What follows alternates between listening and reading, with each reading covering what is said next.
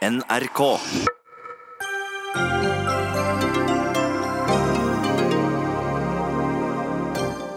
Stortinget støtter ikke FNs forbud mot atomvåpen. Skuffende, mener SV.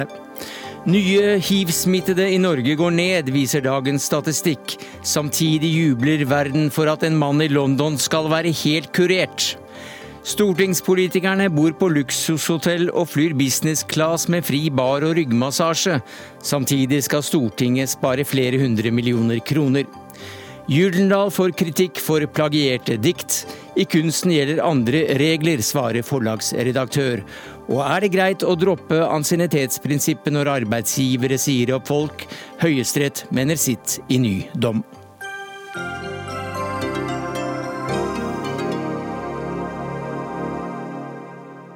Ja, Det er noen av sakene våre denne tirsdagen, der vi får med oss at Kinas statsminister har varslet lavere vekst, og hva det vil si for norske boligrenter. Men vi eh, begynner med et eh, smell, eller et eh, forsøk på å hindre et sådant. For FN har som kjent vedtatt et atomvåpenforbud. Det første atomvåpenavtalen i FN-regi på 20 år. To tredjedeler av landets av verdens stater har skrevet under på dette forbudet, men Stortinget med regjeringspartiene og Arbeiderpartiet i spissen stemte i dag nei til den såkalte forbundstraktaten. Og Audun Lysbakken, leder i SV, dere er skuffet. Hvorfor det?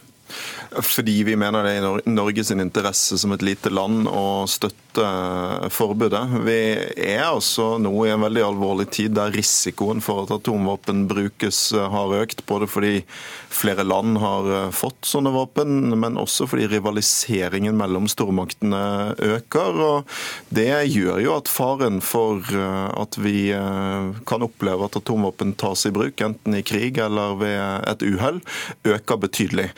Da må òg den politiske innsatsen for å få til atomnedrustning og bli kvitt disse våpnene eh, økes betydelig. Men Norge plasserer seg nå på sidelinjen.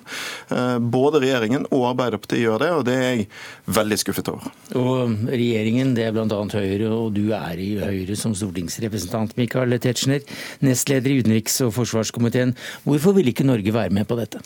Eh, rett og slett fordi vi kan gå til overskriften. Eh, dette såkalte forbudet vil ikke virke som et forbud. Det er ikke et forbud. De som har våpen, altså de som eh, skulle vært regulert av et forbud, de vil ikke slutte seg til det som kunne vært en traktat, men som foreløpig bare er en papirøvelse, så lenge de som har våpen av denne art, ikke vil gå inn i avtalen.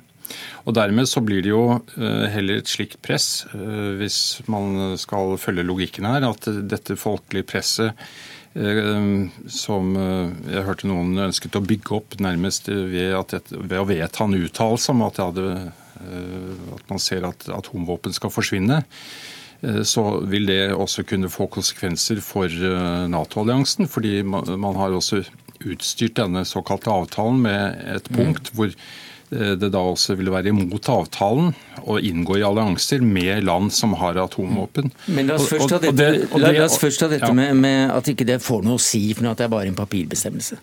Det er jo helt feil. Altså, det er jo ingen som eh, innbiller seg at det er lett å bli kvitt atomvåpnene eller å presse fram en eh, atomnedrustning i dagens verden. Men vi må jo eh, satse på det som er det mest realistiske sporet. Og ingenting ser mer realistisk ut eh, i dag enn å bruke eh, det flertallet vi i dag har i FN, som kan legge press på atommaktene. Så er det jo ingen som ber Nato om å ruste ensidig ned, men gjennom en FN-traktat så kan vi legge press på alle mm. atommaktene for å få i gang en gjensidig nedrustning. Og Da er spørsmålet vil Norge være med på det, eller vil vi stille oss på sidelinjen og dermed i praksis på samme side som atommaktene? Det Stortinget har gjort i dag, er å si at eh, det er greit det, at USA, og Russland, og Kina og andre fortsetter med sin atomvåpenpolitikk. Ja, nå er jo den fremstillingen av at Norge står eh, på sidelinjen, det er jo helt feil. fordi eh, det var riktignok sånn i begynnelsen, når man omtalte denne traktaten, eh, at en del land eh, uttalte seg villvillig om det. Men når det kommer til stykket, så er det ytterst få som er villige til å signere på dette papiret. Ingen Nato-land, ingen atommaktene som sagt, men heller ikke Sveits, ikke Sverige. Eh, hvor det foreligger en utredning. Noe lite forbehold for hva regjeringen gjør der borte, men de har bestilt denne rapporten. Og i det hele tatt så er jo innvendingene så åpenbare at dette kan være en farlig blindgate. For det er jo ikke noe farligere enn et papir overkomst. Så, slik at som, da kan det virke mot sin hensikt? Rett og slett farligere verden med at noen tror at vi har et forbud som reelt sett ikke virker. Men det vil jo ikke fungere sånn. Det som er farlig, er den bevisstløsheten som nå du ser globalt rundt faren ved atomvåpenet, og den toleransen en i praksis har for at stormaktene ikke bare fortsetter å ha atomvåpen, men ruster opp. Den toleransen bidrar Norge nå til. Hensikten med traktaten er å delegitimere atomvåpen. Og Det er jo ikke sant at ikke en rekke land også vestlige land står klar til å støtte dette. Østerrike var initiativtaker. Australia kan i løpet av få måneder Australia er nær USA-alliert, kan i løpet av få måneder få en regjering som ønsker å tilslutte seg forbudet. Så her er spørsmålet om Norge nok en gang skal innta en posisjon hvor vi dilter etter USA, eller om vi skal tørre å stå for noe. Det er spørsmålet. Har vi politisk vilje og mot til for en gangs skyld å ikke følge Washington i ett og alt? Nei, det, det, er helt urimelig. fordi Hvis du ser på den svenske begrunnelsen, eh, som da er alliansefritt og ikke med i Nato, så har jo de eh, ikke noe press fra USA eller Nato-alliansen. De har selv lagt eh, til grunn en realistisk forståelse av hva som bringer oss nærmere nedrustning. Og Der er det jo også vist til at denne avtalen er mye svakere på de punktene hvor vi i ikkespredningsavtalen har eh, laget måleinstrumenter og fastslått prinsipper om balansert gjensidig nedrustning som kan verifiseres, og, og til internasjonale standarder. Men ikke noe av det er bygget inn i denne nye og svakere avtalen, som i tillegg til at den ikke virker, også kan forføre folk til å tro at vi er blitt tryggere. Er en dårlig avtale. Nei, det er feil. Eh, nå syns jeg for øvrig at det er et rart argument å bruke fra Høyre. fordi vi har jo hele tiden etterlyst at Norge skulle delta i forhandlingene. Eh, regjeringen har stilt Norge på sidelinjen, latt være å delta i forhandlingene. Så kommer de etterpå og sier at de ikke syns resultatet ble godt nok. Men eh, argument om at man altså på dette med såkalt verifikasjon har en for dårlig avtale, er blitt tilbakevist, bl.a. av Røde Kors i, i, i, høringssvar. Jeg har lyst til å, bare, sånn, dette er også et spørsmål om hvor Norge skal være i verden. For Norge har jo en lang tradisjon for å stå for en alternativ politikk når det gjelder atomvåpen i Nato. Helt fra Einar Gerhardsen sa nei til atomvåpen på norsk jord, via de store debattene på 80-tallet om eh, mellomdistanseraketter, til det humanitære initiativet som den mm. rød-grønne regjeringen tok, som faktisk var begynnelsen.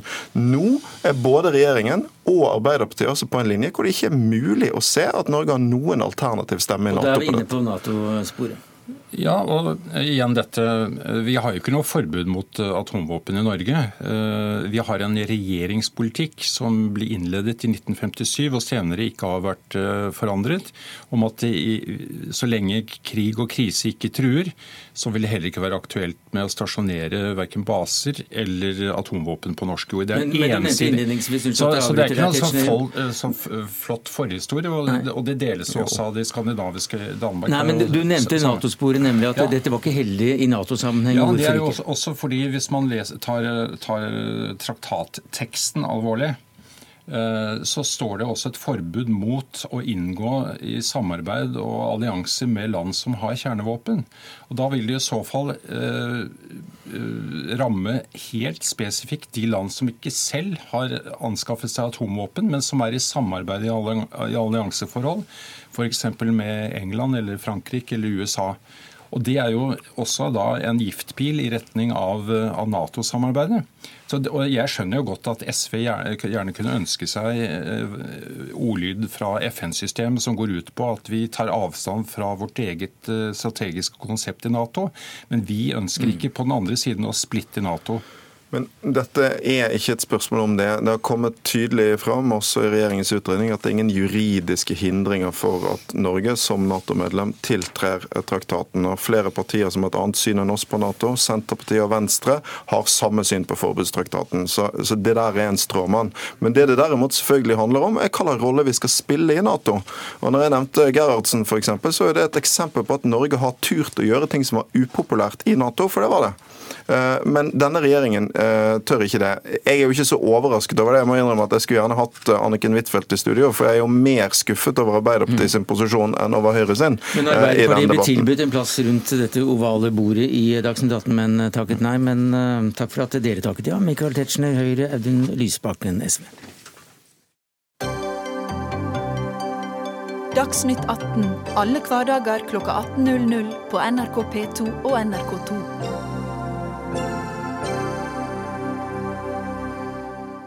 Gyldendal får kritikk for eh, plagierte dikt. Selv svarer de at den største ansvaret det ligger hos forfatteren. Men da en forfatter fikk en diktsamling i posten hun skulle vurdere til en poesifestival, ja, så merket hun noe rart. For flere av setningene kjente hun igjen fra sin egen diktsamling, som hadde kommet ut noen år tidligere. Og det stoppet ikke der. Det viste seg nemlig at denne dikteren hadde tatt uh, passasjer og metaforer fra andre diktere også. Og dette var starten på et av de største plagiatdebattene i norsk kultur de siste årene. Hans uh, Marius Grosvold, du er advokat som jobber med opphavsrett. Hva slags ansvar ligger hos forlaget, denne gangen hos Gyldendal? Ja, forlagene er jo såkalt ansvarlig utgiver, da, også rettslig sett. Og har jo et ansvar sammen med forfatterne for det de utgir. Og eh, Det jeg har pekt på, det er jo det enkle faktum at vi vet at eh, ganske mange forfattere vet ikke inn og ut det nær sagt på opphavsrett. De har bistått veldig mange forfattere opp gjennom årene selv. Det vet også forlagene godt, og mitt eh, enkle spørsmål til forlagene er hvorfor skal man ikke prøve å gjøre noe for å i alle fall unngå de helt klare eksemplene som f.eks. det som vi står oppi nå. Ja, For det mener du ikke blir gjort? Jeg mener det ikke blir gjort, og det har vært min opplevelse opp gjennom årene. Eh, og det er jo flere som, eh, som sier det samme. Klassekampen hadde jo en eh, hva skal jeg si, uformell, men allikevel undersøkelse blant flere norske fremstående forfattere nå for noen uker siden, og svarene der var jo ganske entydige. De vet for det første i alle fall ikke nok om dette, og de får heller så å si ingen veiledning fra forlagene sine. Hva sier du til det, Kari Marstein, som er sjefredaktør for norsk skjønnlitteratur i Gyldendal? At forfatteren ikke får nok veiledning? Ja, at dere, det er dere som sitter Først... med ansvaret, og at dere ikke veileder eller kan nok om dette? Det var vel ikke det Gråsvold sa. Først, Hva var det du sa da, først... Gråsvold? Var det ikke det du sa? Forfatterne vet ikke nok om dette. her. Forlagene vet langt mer, tror jeg. Men veileder ikke? Først vil jeg si at jeg syns at dette er veldig fint å tas opp, og at det er en stor debatt. For det er jo helt forferdelig når det skjer. Nå skjer det riktignok veldig sjeldent, og i hvert fall innenfor skjønnlitteratur. Men så til kritikken. Uh, ja, jeg opplever jo ikke at vi ikke tar ansvar. Det er jo et delt ansvar mellom forfatter og forlag. Eh, forfatteren har også ansvar for å informere forlaget. Men uh, i denne spesielle saken så mener jeg at mye har vært gjort da, etter at uh, det faktisk skjedde og det ble oppdaget. Vi trakk jo diktsamlingen hennes uh, etter, i samråd med henne og etter ønske fra henne. Av hensyn til de forfatterne som var plagiert. Og har forsøkt å følge opp saken så godt det lar seg gjøre. Når ja, et øyeblikk, det, Hva sier du til det? Er det en uh, grei unnskyldning? Jeg svarte jo ikke på spørsmålet hans ennå. Altså. Nei, men altså, Det du sier, det er jo da at uh, forfatterne har ansvar her til også Uh, si at de har plagiert? Ja, Det står jo i kontrakten mellom forfatter og forlag. At... At de har et, nei, ikke til å si at de har plagiert, for de bør jo ikke plagiere. Nei. Men de skal si fra. De har en opplysningsplikt om de har latt seg inspirere, eller om de har kopiert andre åndsverk. Mm -hmm. mm. Og så kan du svare på kritikken. På det om vi kan opplyse forfatterne mer, det er klart vi har snakket mye om dette etter denne saken. For det har vært trist og vanskelig for veldig mange parter. Eh, og vi har sett at særlig når det gjelder eh, yngre forfattere, ferske forfattere, så er det klart at vi kan bli mye bedre på å veilede dem. Eh, vi ønsker jo ikke at noe sånt skal skje igjen som dette her. Nei, og det er jo fint, og kanskje er vi ferdige der. Altså, vi hadde jo et tilfelle for en del år siden på, på sakprosafeltet hvor uh, faktisk en annen forfatter på Gyllendal uh, gikk i overkant langt i å la seg inspirere eller hente fra andre forfattere. Og da i stedet for å Eh, holde på å debattere akkurat denne forfatteren, og altså kjøre saker frem for disse forfatterne som var krenket, så gikk jo da Forleggerforeningen bl.a. og Norsk faglitterær forfatter- og oversetterforening sammen om å, om å, veilede sine medlemmer, altså forlagene og forfatteren. Og det resulterte i en svær utredning som det ikke er behov for her. Sakprosafeltet er mye mer sammensatt. men Eh, jeg var selv med på det arbeidet fra sidelinja, og ser jo hvilken eh, enorm betydning faktisk det arbeidet hadde på sakprosafeltet. Min, mitt ønske overfor forlagene er jo at man gjør noe av det samme. Det er ikke nok å på en måte agere etter at uhellet er ute. Burde man ikke heller komme sammen og forsøke å veilede forfatterne sammen? Det er ikke behov for noen stor utredning, men gjør eh, et eller annet sammen. Det er forlagene og forfatternes foreninger som sitter på denne kompetansen, først og fremst. Nå er jo ikke jeg enig i at eh, sakprosafeltet er mer sammensatt og komplisert enn det skjønnlitterære. fordi det å, hentyde, det å, å komme med henvisninger og vite når man siterer og være presis på dette innenfor fagfeltet, er ikke så komplisert. Det er omfattende, men det er lett å ha klare regler. Mens når det gjelder skjønnlitteratur, så, så består jo det å skrive skjønnlitteratur også det å forholde seg til tradisjonen. Det å være i dialog med alt annet som er skrevet, faktisk. Sånn som det er innenfor andre kunstarter. Film, musikk, som du kjenner godt, malerkunst. Jo, En dialog Så, er vel én ting, men eh, rett og slett å ta ord for ord, ordrett inn i sin egen tekst, er vel noe annet? Det er gode måter å gjøre dette på, og så er det dårlige måter. Og ikke så gode, så er det selvfølgelig ulovlige måter. Men det vil si at det å slutte å gjøre dette her, er ikke et alternativ. Det er ikke sånn at eh, man kan ha litteraturlister eller presise henvisninger eller vise hvor man har sine allusjoner eller nikk eller hilsener til andre fra. Så sakprosa stiller seg en litt annen eh, bås. Det er to helt forskjellige ting, ja. For all del, det er to helt forskjellige ting, men den utredningen som jeg snakket om, den er på drøyt 300 sider. Eh, og det er nettopp fordi det er et komplisert felt, det også. Men jeg er jo helt enig i at det er jo også vanskelige grensetilfeller innen skjønnlitteraturen, og det bekrefter egentlig bare poenget mitt. Nettopp derfor er det behov for veiledning. Og bare et poeng til. Mitt anliggende er ikke å, å, unngå de vanskelige grensetilfellene, det vil det alltid være. Men det er de klare sakene, sånn som f.eks. det vi står oppi nå, som jeg tenker man lett kan unngå ved å rett og slett ta hver enkelt forfatter til seg når man kommer til et forlag og skal etablere seg som forfatter. Ta en halvtime med dem, tematisere det, snakk om det. Jeg tror man kommer til å vinne enormt mye bare gjennom det. Dette er jo helt i tråd med det vi allerede har snakket om internt om å gjøre, så vi har ikke, vi har ikke noen uenighet eh, der. Det er så godt råd. Men uh, hvordan forholder dere til, denne, til denne diktutgivelsen som, som, nå foreligger, og som er trukket tilbake?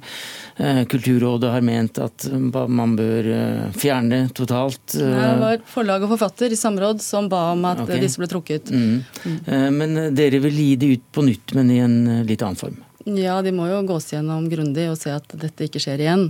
Men det å ikke utnytte på nytt, er jo å si at dette er et forfatterskap som er dødt for verden.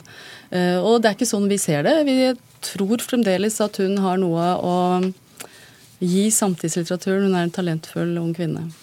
Gro Gjørstad Jørstad Nilsen, du er litteraturkritiker i Bergens Tidende. og eh, Hvorfor vekker akkurat denne saken så mye oppmerksomhet? Den vekker mye oppmerksomhet, for det er mange forskjellige ting som de har vært inne på at det har pågått så lenge, over flere år, uten at eh, de har klart å oppdage det i forlagene. Og så er det jo vanligvis at det er kritikerne som oppdager plagiatsaker og melder fra. Det er i hvert fall det jeg har vært vant med som litteraturanmelder. Men i denne saken så er det forfatterne faktisk som melder fra. Mens kritikerne, og vel spesielt i Klassekampen, syns det er helt greit så sa at han så at det var, men han kalte det intertekstualitet. Så det At forfatteren reagerer, da kan du spørre tåler ikke intertekstualitet lenger, om de er blitt hårsåre eller hva det er. Men, men jeg tror det er måten eh, Gundersen har gått frem på. At hun har skjult lån og sitater. At hun har eh, Det er ingenting som tyder på at hun er i dialog med de angjeldende forfatterne. Snarere tvert imot så virker det som hun har villet at det skal fremstå som har skrevet det av seg sjøl. Mm. Når du snakker om intertekstkvalitet, var det det ordet du brukte? Intertekstualitet, ja. Det er ja. fine ord fra universitetet. Det handler jo om eh... Vi har ikke tatt akkurat den linja. Nei, ikke sant. Det er vel en, en tradisjon utover at du klipper og limer, men gjør det av estetisk eh, og har et kunstnerisk prosjekt bak det du gjør. Så det er alltid det som de sier, det er glidende overganger her. Men, det må men, være det kunstiske prosjektet som bestemmer eh, hva du gjør, og også motivasjon. Eh, det er vel kanskje det motivasjonen som er litt uklar for forfatterne som er ramma av det her, som jeg tenker at det er alltid ja, det er jo rett og slett noen har stjålet arbeidet deres. Men eh, det du sikter til når du, skriver, når du snakker om forfatterne, det er altså de forfatterne som da mener at de er plagierte, ikke sant? Det er de som har reagert på Det er de rammede som snakker om her, akkurat de rammene. Og det er, litt det, er det jeg syns er spesielt. Jeg vet ikke, Det er helt sikkert andre forfattere, men som sagt vanligvis er det kritikerne som eh, mm som gjør det. her. for En av forfatterne som da er blitt plagiert, skriver, sier til Klassekampen at det opplevdes som et sjokk, en fornærmelse og et overtramp. Ja, Det forstår jeg godt, men hvis du skriver så gode setninger at noen vil stjele det, så har du jobba veldig mye. Det er ingen som vil stjele dårlige setninger. Og Hvis da noen utgjør jobben for sin egen, så skjønner jeg godt det blir ja, Alle har jo kjent følelsen av å bli gjort At noen tar jobben din, men her kommer åndsverksloven inn i tillegg. Så det kan du ikke gjøre uten at det får konsekvenser. Men hva de forfatterne mener konsekvensene bør være, det vet jeg ikke. Men det er klart, jeg syns det er bra at det kommer en debatt opp, og at de grensene er alltid glidende, som sagt. Men her er det plagiat som kommer inn istedenfor begrepet intertekstualitet eller eventuelt inspirasjon. Og det tenker jeg at det er forfatterne sjøl som kanskje kan være dem som setter grenser her for hva som syns er greit eller ikke, ikke bare lovverket. Da er vi også kommet dit at det går an å bli inspirert, men ikke direkte eh, plagiert. Hva slags eh, opplag snakker vi om for en eh, slik utgivelse? Det er ganske lave opplag. Det er under 2000. Under 2000. Takk skal du ha, Kari Marstein, sjefredaktør for norsk skjønnlitteratur i Gyldendal Forlag. Hans Marius Grosvold, opphavsrettsadvokat. Og i Bergen satt du, Gro Jørstad Nilsen, litteraturkritiker i Bergens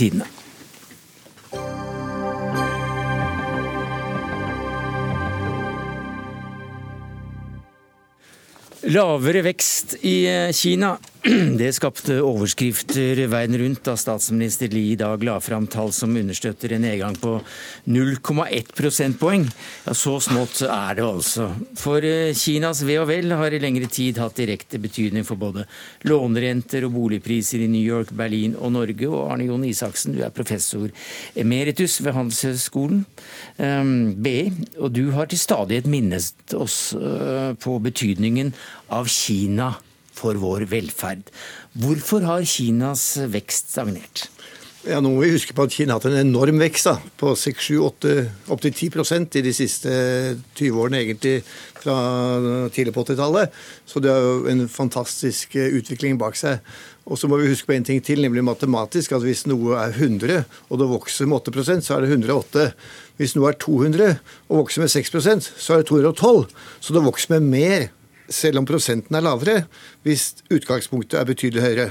Mm. Fikk du med deg det? Ja, jeg fikk det. Det er, eh, det er, også Når vi snakker om eh, økonomisk vekst i afrikanske land, eh, land, på en svært høy prosent, så er det noe annet enn å snakke om ja. økonomisk vekst i USA. Eller i Kina. Eller i Kina. Ja, ja, men veksten har også stagnert. Den har stagnert, ja. Og det er på sett og vis naturlig. Men det som ikke er så bra, er årsakene. Og det ligger på mange ting. Blant annet ligger det på at mye av veksten er basert på gjeldsøkning. Og når gjelden blir stor, så kan du få et problem, nemlig i det øyeblikket mange ikke kan betjene gjelden sin. For da er det noen som taper, og da blir det uro, og da blir det eh, nedgangstider av det. Så finansieringen av veksten er uheldig. Og det andre er sammensetningen, at det har vært veldig, veldig mye investeringer. Og Investeringer er veldig bra, men det er grenser for hvor mye du skal investere, og det er grenser for hvor mye du får igjen hvis du investerer veldig mye. Så Kinas investeringer har gått på bekostning av forbruk eller konsum. Og konsumet, det må opp. Og hvordan du får det til, er i stor grad ved at de som har en liten inntekt, får større inntekt, for de bruker mer av pengene sine på øh, varer og tjenester. Og de med høy inntekt kan da tåle noe mindre inntekt. Så det er et fordelingsproblem? Ja. Det er et problem som ligger i fordeling, som ligger bak. Det er en sentralt element her. altså. Men i Aftenposten skrev du for et par dager siden at lyntog ikke er nok. Ja. Det er det du mener med investeringer? da? Ja, at sant, Du lager lyntog som det er ikke så mange som tar. Du lager flyplasser det er ikke så mange som bruker. Du lager veier som er lite brukt. Og du lager eh, enorm mengde med bolighus som ikke tas i bruk umiddelbart. Eh, og vi må huske på én ting, og det er at når vi investerer, så gjør vi det fordi vi skal ha glede av dette som konsumenter etterpå. Vi liker å ta tog, vi liker å bo i pene hus eller leiligheter. Så investeringen som sådan har vi ikke glede av. Men det som da investeringen skaper, de tjenestene som en uh, bolig gir, de tjenestene som en flyplass gir, og som veier gir, det er det vi er interessert i. Hvis du lager for mye eh, sement og betong og og stål og aluminium, uten at det brukes mye, så blir det feil. Og Kina har investert veldig mye veldig lenge, mm. og den uh, veien uh, må de nok uh, finne en utvei ut av. For, for, sånn. for, i et nyhetsbrev tror jeg jeg leste som du, som du sender ut ukentlig eller månedlig, så, så, skriver du at en kjent økonom da skal ha sett omtrent døde byer, i hvert fall flyplasser som omtrent ja. ikke er noe fly på, etc. Ja, det er det, det, det, det er jeg henviser til nettopp den boken som er skrevet av en uh, flink økonom som nå jobber ved Oxford, hvor han peker på dette, og det vet vi jo egentlig. Men, det er døde byer for det er bygget nei, for mye? Nei, døde byer er nok ikke. Og, og, og, det er nok mange ganger at de har bygget veier som senere har blitt tatt i bruk, og flyplasser litt tidlig ute. Så det er jo, de har vært veldig heldige og flinke med mange ting. Men, men, men det er en grense for hvor lenge et land kan ha så store investeringer, og at det kaster av seg. Og nå ser vi at det kaster mindre av seg.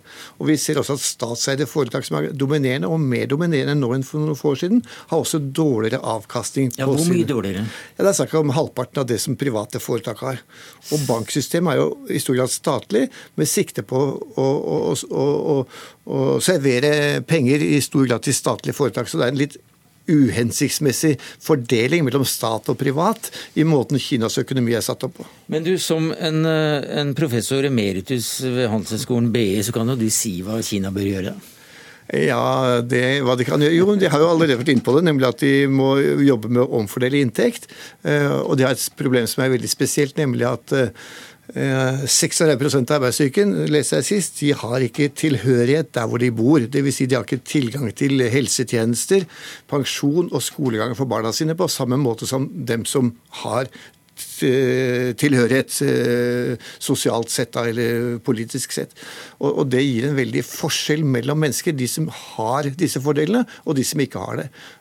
Så den underklassen av gjestearbeidere i eget land som her snakker om, den underklassen er en utfordring både uh, moralsk kan du si, og politisk, men også i lys av det vi sa i starten, at hvis de har mer penger å rutte med, så vil det bidra til at konsumet av varer og tjenester mm. vil øke. Så kineserne lager veldig mye, en del til eksport, ikke så mye som mange tror, og mye til investeringer. Men selve produksjonen for daglig glede i form av konsum, den biten eh, er altså for liten. Du vil ha opp eh, goder solgt og gitt til egen befolkning? Da. Ikke nødvendigvis gitt, men solgt til egen solgt, befolkning, som da er slik at folk har råd til det. Men hvordan påvirker da Kinas økonomi resten av verden, og kanskje et uh, lite land som Norge? Ja, Norge har vært en av de veldig begunstiget av Kinas vekst, fordi kineserne har kjøpt det vi kan lage olje- og skipsfartstjenester, og metaller og fisk og greier. Så de har eh, etterspurt det som vi lager, og da stiger prisen på det. Og vi har kjøpt mye av det kineserne har laget stadig billigere. Så, så, så, det vi har fått igjen for en gitt mengde eksport, har blitt stadig mer i lys av kinesernes eh, inntreden globalt, og i lys av de lavere prisene de eh, forlanger for det vi er interessert i. Så Norge har hatt en enorm fordel av Kina. Og når da Kinas vekst butter litt imot, og det er en ting som er veldig viktig, at Kina har ikke bare en prognose for veksten, men de har mål. I fjor var veksten målet 6,5 mm. Og eh, for inneværende år så er det ikke lenger et eh, eksplisitt tall, men det er et intervall 6 til 6,5% Og da behøver de ikke være så hissige på å nå det målet, fordi Eh, og nå målet har vært veldig viktig sånn politisk innenlands, så det gir seg selv et større handlingsrom når de sier at veksten skal være mellom 6 og 6,5% Men allikevel så leser jeg at det er det dårligste siden 1990. Ja, men da er vi tilbake til det vi sa i sted. At uh, det vi regner veksten av, er enormt mye større enn i 1990. Ja, Men tilbake igjen til hvordan det påvirker norske forhold. Også eh, enormt stor påvirkning, sier du, men hvordan da konkret? Ja, Nå vil jo vi merke at de kjøper noe mindre Veksten i det de kjøper fra oss er noe mindre. Eh, men, men eh, som vi maila om litt i forkant, så syns jeg at Kina er så viktig i seg selv. Så jeg blir liksom litt sånn, hva skal jeg si eh, ikke skuffet, men litt sånn overrasket over hvordan vi i Norge alltid med en gang spør hva med Norge? Og mellom oss sagt så er jeg ikke så veldig interessert i det, altså. Ja, Men det er jeg. Ja, det er du, ja. Ok. Ja. Men, men, men, hva som skjer med Vi sitter i Norge i et norsk ja. radioprogram og TV-program, ja. og, og, da må vi være interessert i norske forhold. Så, så konkret, hva slags innvirkning vil en, en, vesentlig lavere vekst i Kina, da, vesentlig mindre kjøp av norske uh, tjenester og ikke minst uh, råvarer, bety for norske forbrukere eller låntakere? Ja, Det vil jo bety mer for norske lønnsmottakere og norske eiere av bedrifter som ikke selger så mye som de ellers ville ville gjort. Men Kinas andel av norsk eksport den er ikke så stor. Vi selger mer til Europa og EU, vi er EØS-land. Så, så, jeg syns at eh, Kinas uh, glede for oss ligger, har ligget stort sett på det vi har kunnet importere billig. Men det er klart at det er ikke noe fordel for Norge om Kina går dårlig. Mm. Uh, men, men, som sagt så er ikke det det store problemet med Kina, syns jeg. Men hvor stor virkning har handelskrigen krigen med USA? Ja, Det er ikke så godt å si, men den har jo pågått lenge. og det som er egentlig kjernen her, det er jo ikke handel, men det er teknologi. De kjemper jo om å Amerikanerne vil at Kina skal legge om sin politikk, så ikke de skal være så hissige på moderne teknologi, for å si det enkelt. Og samtidig legger de eh, krav om at de skal, at de skal øh, øh, kjøpe mer fra Amerika. Men som sagt, det er teknologien hvor kineserne er ganske flinke til å øh, benytte seg av andre lands teknologier, uten egentlig kanskje å ha betalt det de burde for det. Så I et større perspektiv så er det jo spørsmålet hvem skal være den ledende nasjon i Asia og, og, globalt i neste omgang. Så det er en veldig dramatisk egentlig situasjon hvor Amerika har våknet opp til en realitet, nemlig at Kina puster dem litt i nakken. Og Det har jo gjort at Amerika eh, for en gangs skyld er enige, nemlig demokratene og republikanerne er enige om at Kina det er noe vi nå må se på med nye øyne, og nå må vi demme opp for Kinas utvikling. Og EU kommer etter. EU er også klar på at nå må vi være forsiktige, ikke være for ivrige til å selge toppteknologi til kineserne. Takk skal du ha, Arne Jon Isaksen, professor emeritus ved Handelshøyskolen BI.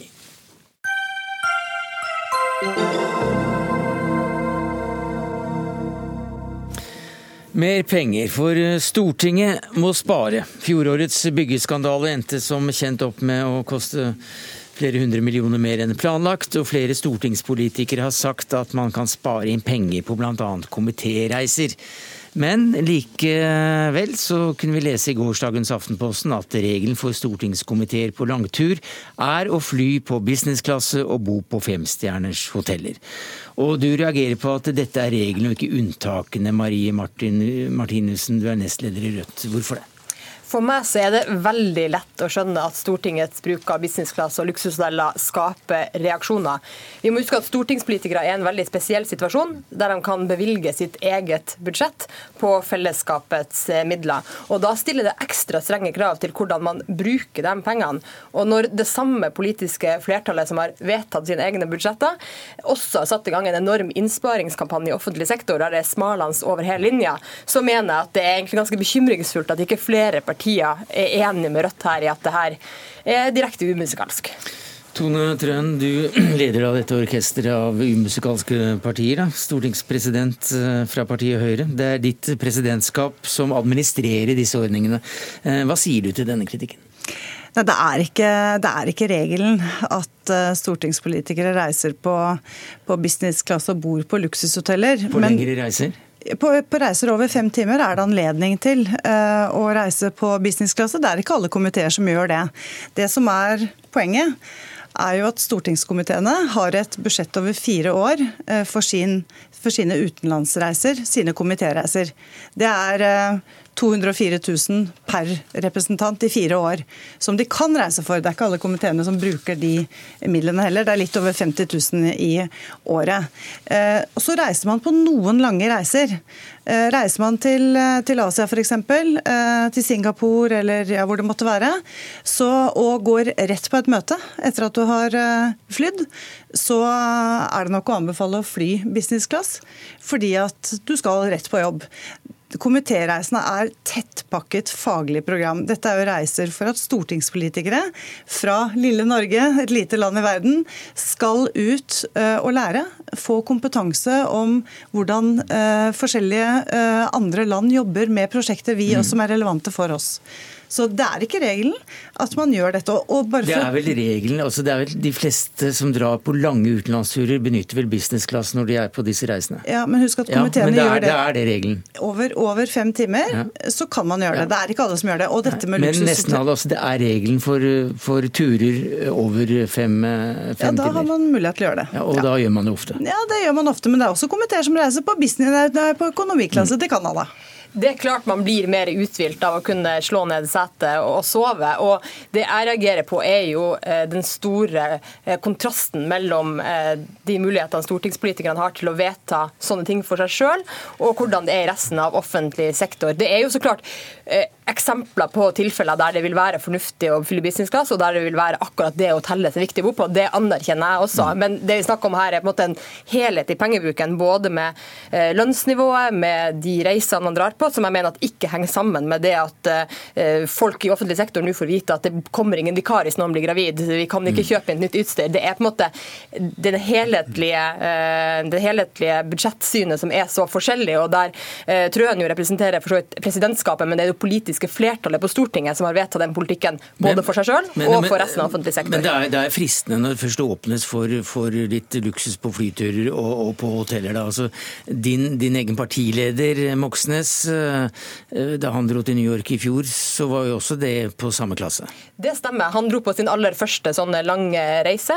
Og det er da altså komitésekretæren som bestiller de billettene, og da deltok han på det opplegget som de hadde bestilt. Da han kom tilbake, så tok han det opp da i brukerrådet, som er på en måte rådet for politikerne, hvorfor det var nødvendig. og Han eh, kunne melde tilbake om ganske lunken mottagelse, men skal følge opp det i brukerrådet. Vi har også stilt et forslag eh, som nå ligger hos presidentskapet om en gjennomgang av reiseregelverket på Stortinget. Det går an å, går an å venne seg til litt luksus?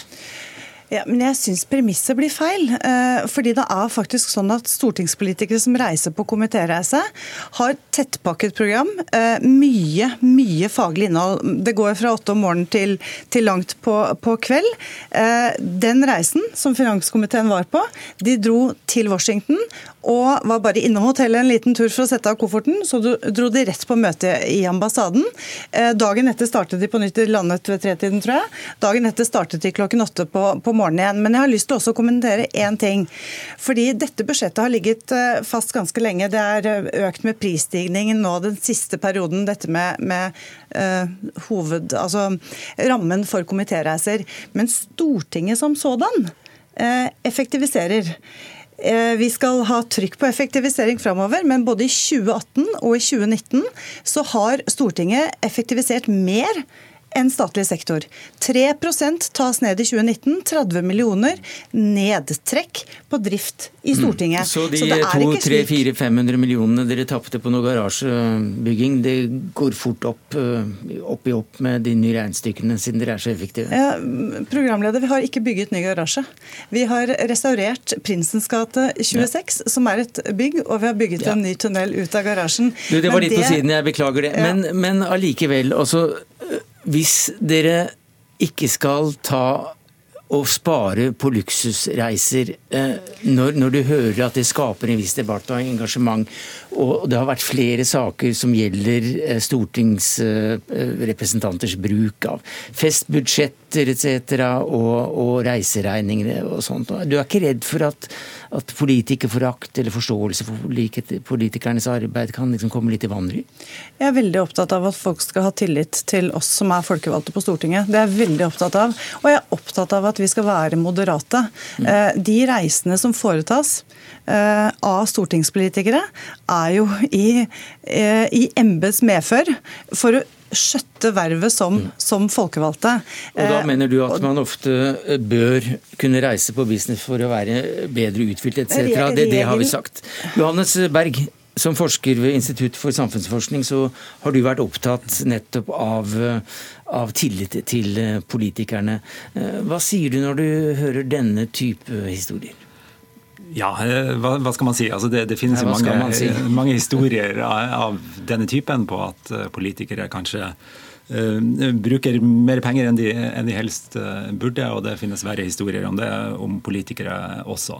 Men tilliten til politikerne i Norge er jo relativt høy i utgangspunktet, og, og det er nok ikke noen grunn til å tro at, at enkeltsaker vil forandre på det på noen noe fundamental måte. Det at tilliten til stortingspolitikere er høy, det er jo ikke noe man nødvendigvis kan ta for gitt. Altså, tillit må, må fortjenes.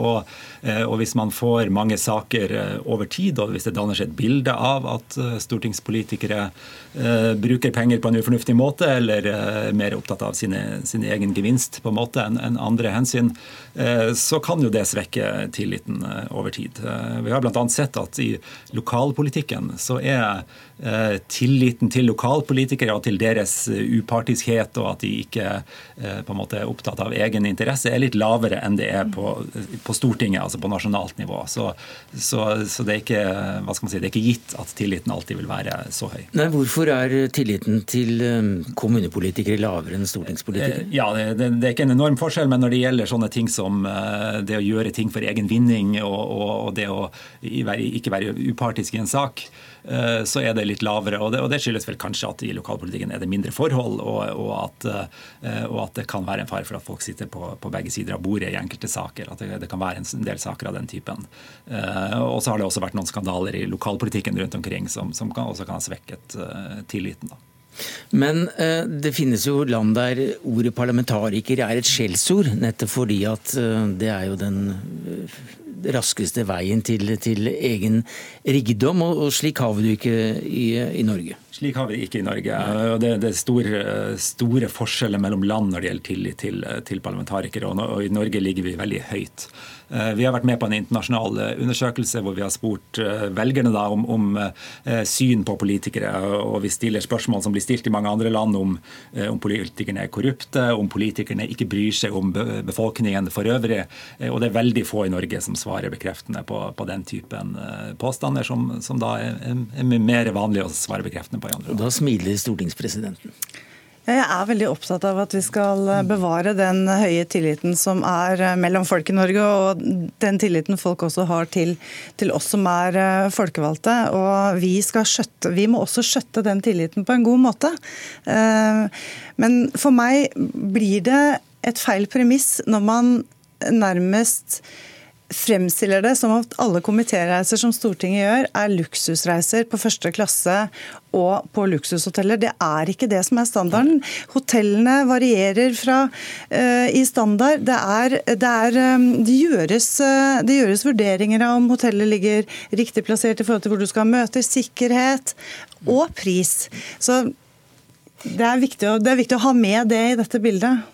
Men det er jo den tilliten som man da alle er enige at man har lyst til å ta vare på. Og da syns jeg at man skal være kanskje litt mer oppmerksom når det kommer sånne saker på at, hvordan det oppfattes. Og i befolkningen, det er sånn at Nå er jo stortingspolitikere også skal runde én million i inntekt, samtidig som ulikheten i samfunnet øker. og Det er jo en, et trekk som kanskje kan gi mindre tillit i samfunnet, det at ulikheten nettopp øker. Og Når vi gir fra oss eh, store deler av lønna vår i skatteinntekter til denne forsamlinga av politikere som skal forvalte det, så trenger jo vi å vite at det forvaltes på en god måte. og da blir sånne småting egentlig, som disse luksushotellene, de blir jo veldig stor symbolsk hvis det skaper en mistillit eller en utrygghet. Og Derfor tenker jeg at Man kunne spart seg ganske for det og hatt strengere regler. og Det er akkurat det vi har foreslått. Sånn at man er sikker på at man er nøysom og nøktern og i tråd med det som resten av offentlig sektor må forholde seg til. Takk skal du ha, Marine Martinussen, nestleder i Rødt. Takk til deg, Tone Trøen, stortingspresident fra Høyre, og Johannes Berg, forsker ved Institutt for samfunnsforskning.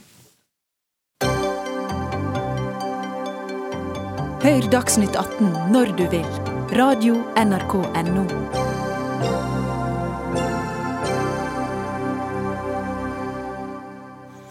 Så skal vi snakke om hvilke prinsipper som skal gjelde for oppsigelser. Fagforeninger krever at ansiennitetsprinsippet må være hovedregelen når arbeidsgivere skal si opp folk.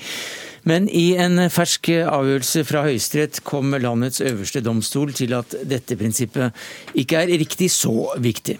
At det generelt ikke kan kreves det som heter vesentlige eh, kompetanseforskjeller mellom de ansatte for å kunne fravike ansiennitetsprinsippet i hovedavtalen.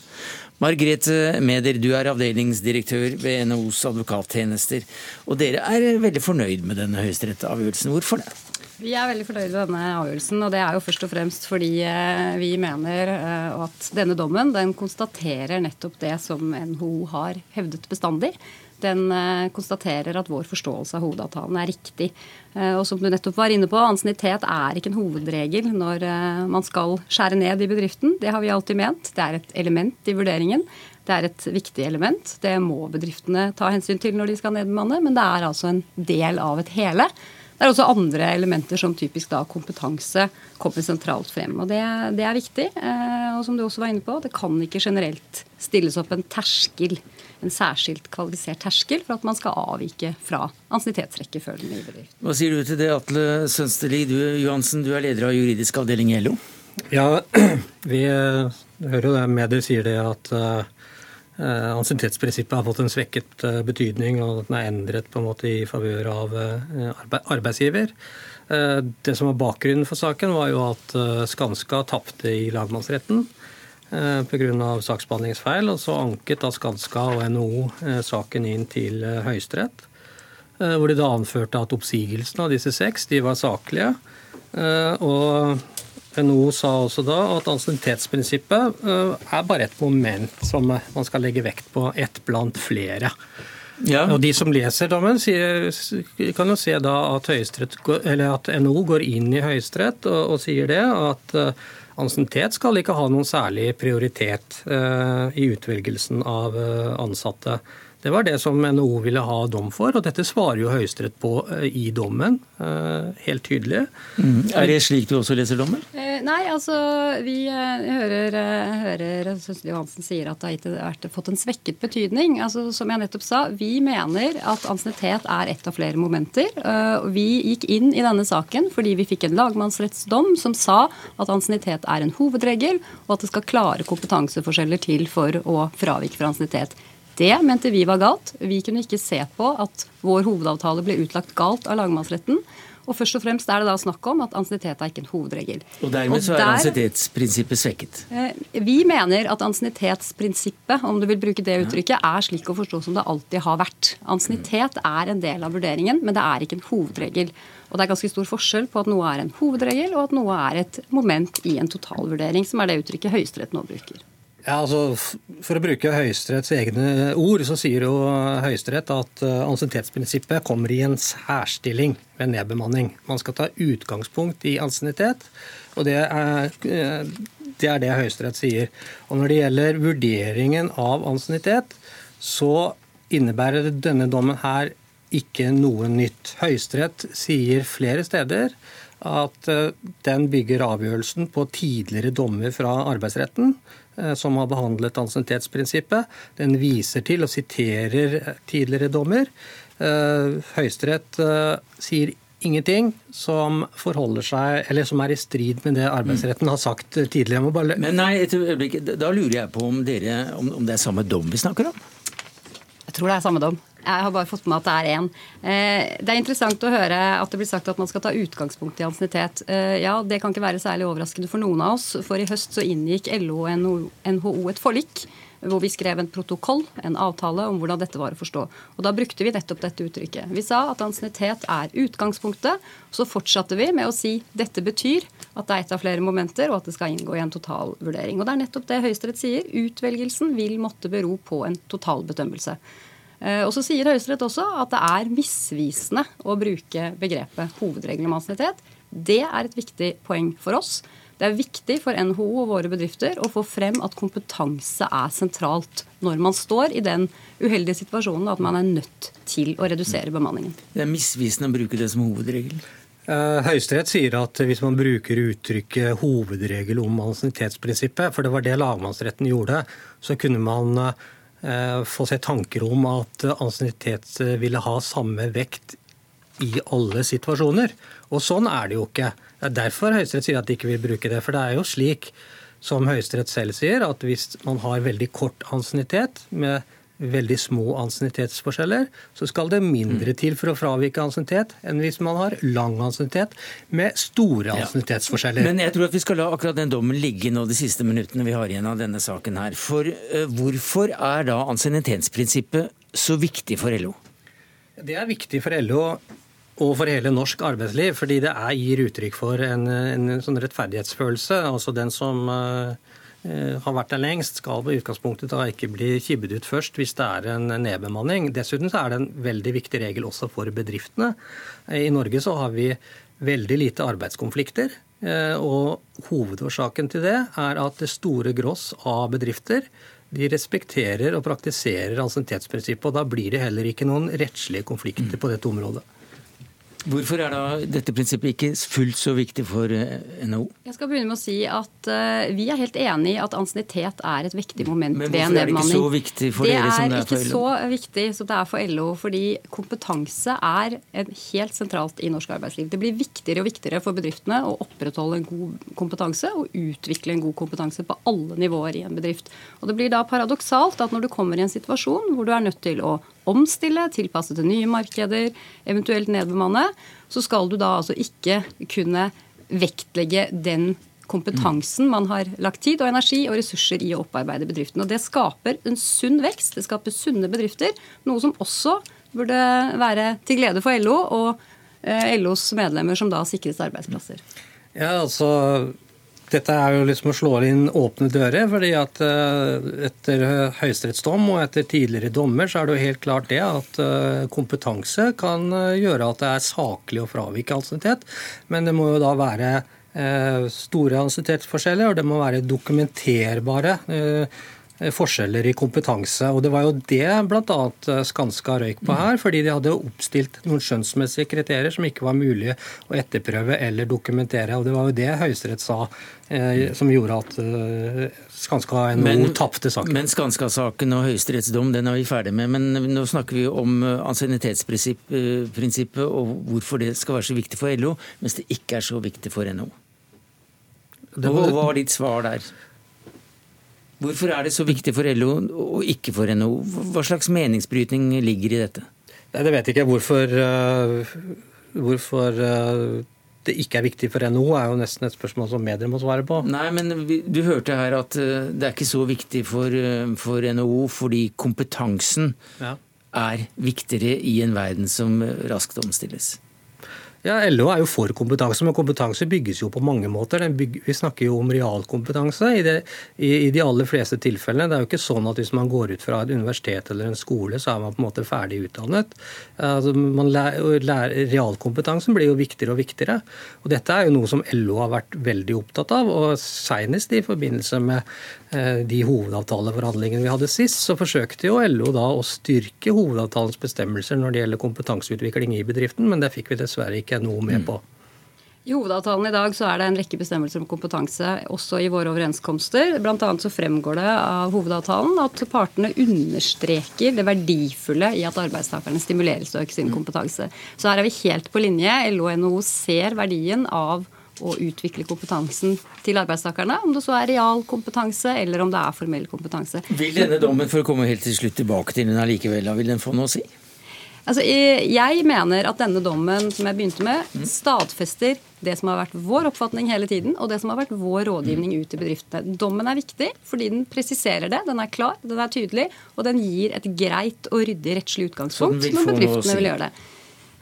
Om den vil få noe å si? Eh, jeg tenker at den vil, eh, den vil, føre til at man fortsetter som man har gjort, eh, men uten den utryggheten som vi har opplevd ved at LO forsøker å utfordre viktigheten av kompetanse i en nedbemanningssituasjon. Takk skal du ha, Margrethe Medi, avdelingsdirektør i NHOs advokattjenester, og Atle Sønsteli Johansen, leder av juridisk avdeling i LO.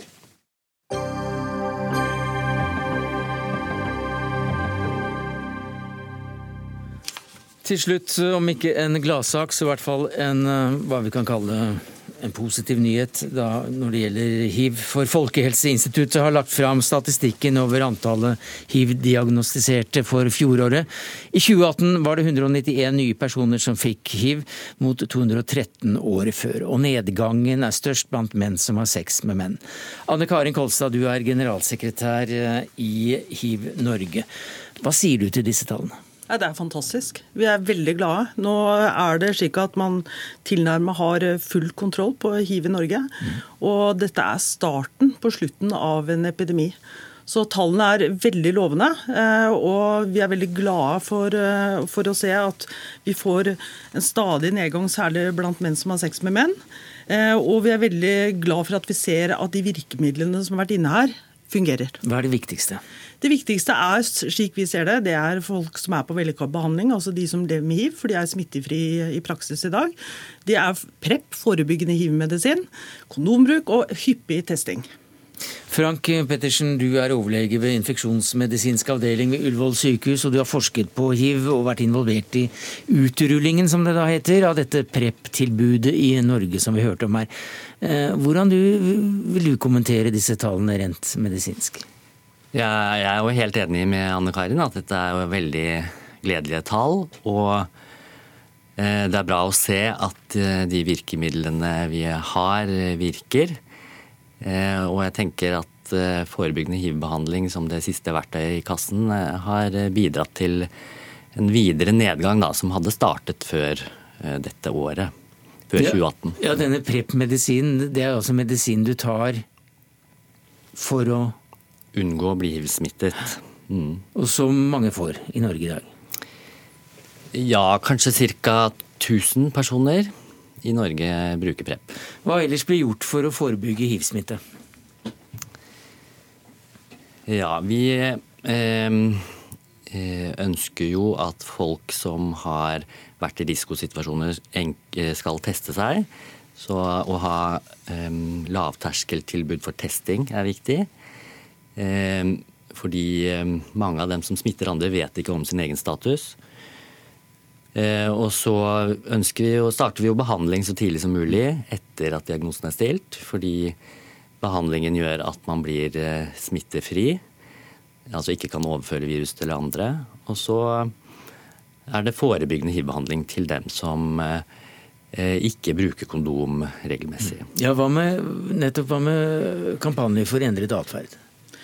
Eh, kan, vi kan vel si det slik. Ca. 20% av lands befolkning kun 20% av landets befolkning bruker kondom. Over 40% av det vi kaller menn som har sex med menn, bruker kondom. Det er lenge siden nordmenn kasta det. Vi har det høyeste klamydia-tallene i, i, hele Europa. Eh, men vi ser også blant disse PREP-brukerne at når de fikk trygghet for at de ikke kunne få hiv, så endra noe atferden seg. Men det handler sluttet nei, å bruke kondom? Det er lenge siden man sluttet, mange sluttet å bruke kondom. Eh, kan, de utfordringene kan vi møte på andre måter. Det viktigste nå er at vi har fått kontroll på hiv-tallene. Mm. Eh, og så kan vi begynne å snakke mer om, om atferd og andre seksuelt overførbare sykdommer på en positiv måte. Men det er mer å glede seg over, for ifølge New York Times så skal det vitenskapelige tidsskriftet Nature offentliggjøre en studie der enda en hiv-positiv, eh, en hiv-pasient skal har vært, blitt helt kurert.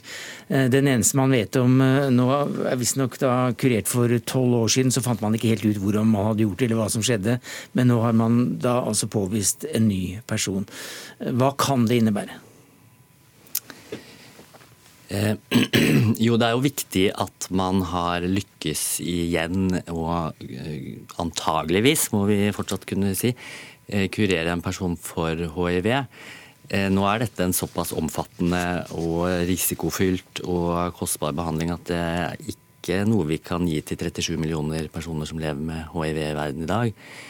Men det kan gi oss hint eh, i retning av eh, eh hvilke eh, hva, hva, vi skal forske videre på da, for å, å, å, kunne få til en kur på sikt. Det skjer ikke i morgen, altså. Det tar noen år. Men hva slags kur er det, kort fortalt?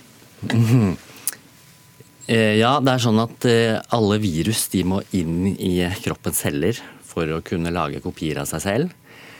Og hiv er et sånt virus som trenger eh, spesielle mottaker på de cellene de skal inn i. Det er to sånne mottaker. Og de kan ha ulik struktur, ulik fasong. De kan stå rett opp eller de kan være bøyd. Og hvis du er så heldig at du er blant den ene prosenten som får to sånne bøyde varianter av dette mottakermolekylet, mottakerstoffet, så, eh, så kan ikke hiv komme inn i cellen. Så du er på en måte født immun mot hiv. da. Så hvordan kurerer man da med denne teknologien? Ja, i denne, Her har man gitt stamcelletransplantasjon mm. til altså, alvorlig kreftsyke, eh, leukemipasienter. Og de har fått Eh, stamceller fra en person som har disse bøyde eh, mottakene, slik at hiv ikke kommer inn i cellene til eh, pasienten. Men dette blir ikke hverdagsmedisin med det første? I hvert fall må det modifiseres og gjøres enklere og dermed mer tilgjengelig. Da. Mm.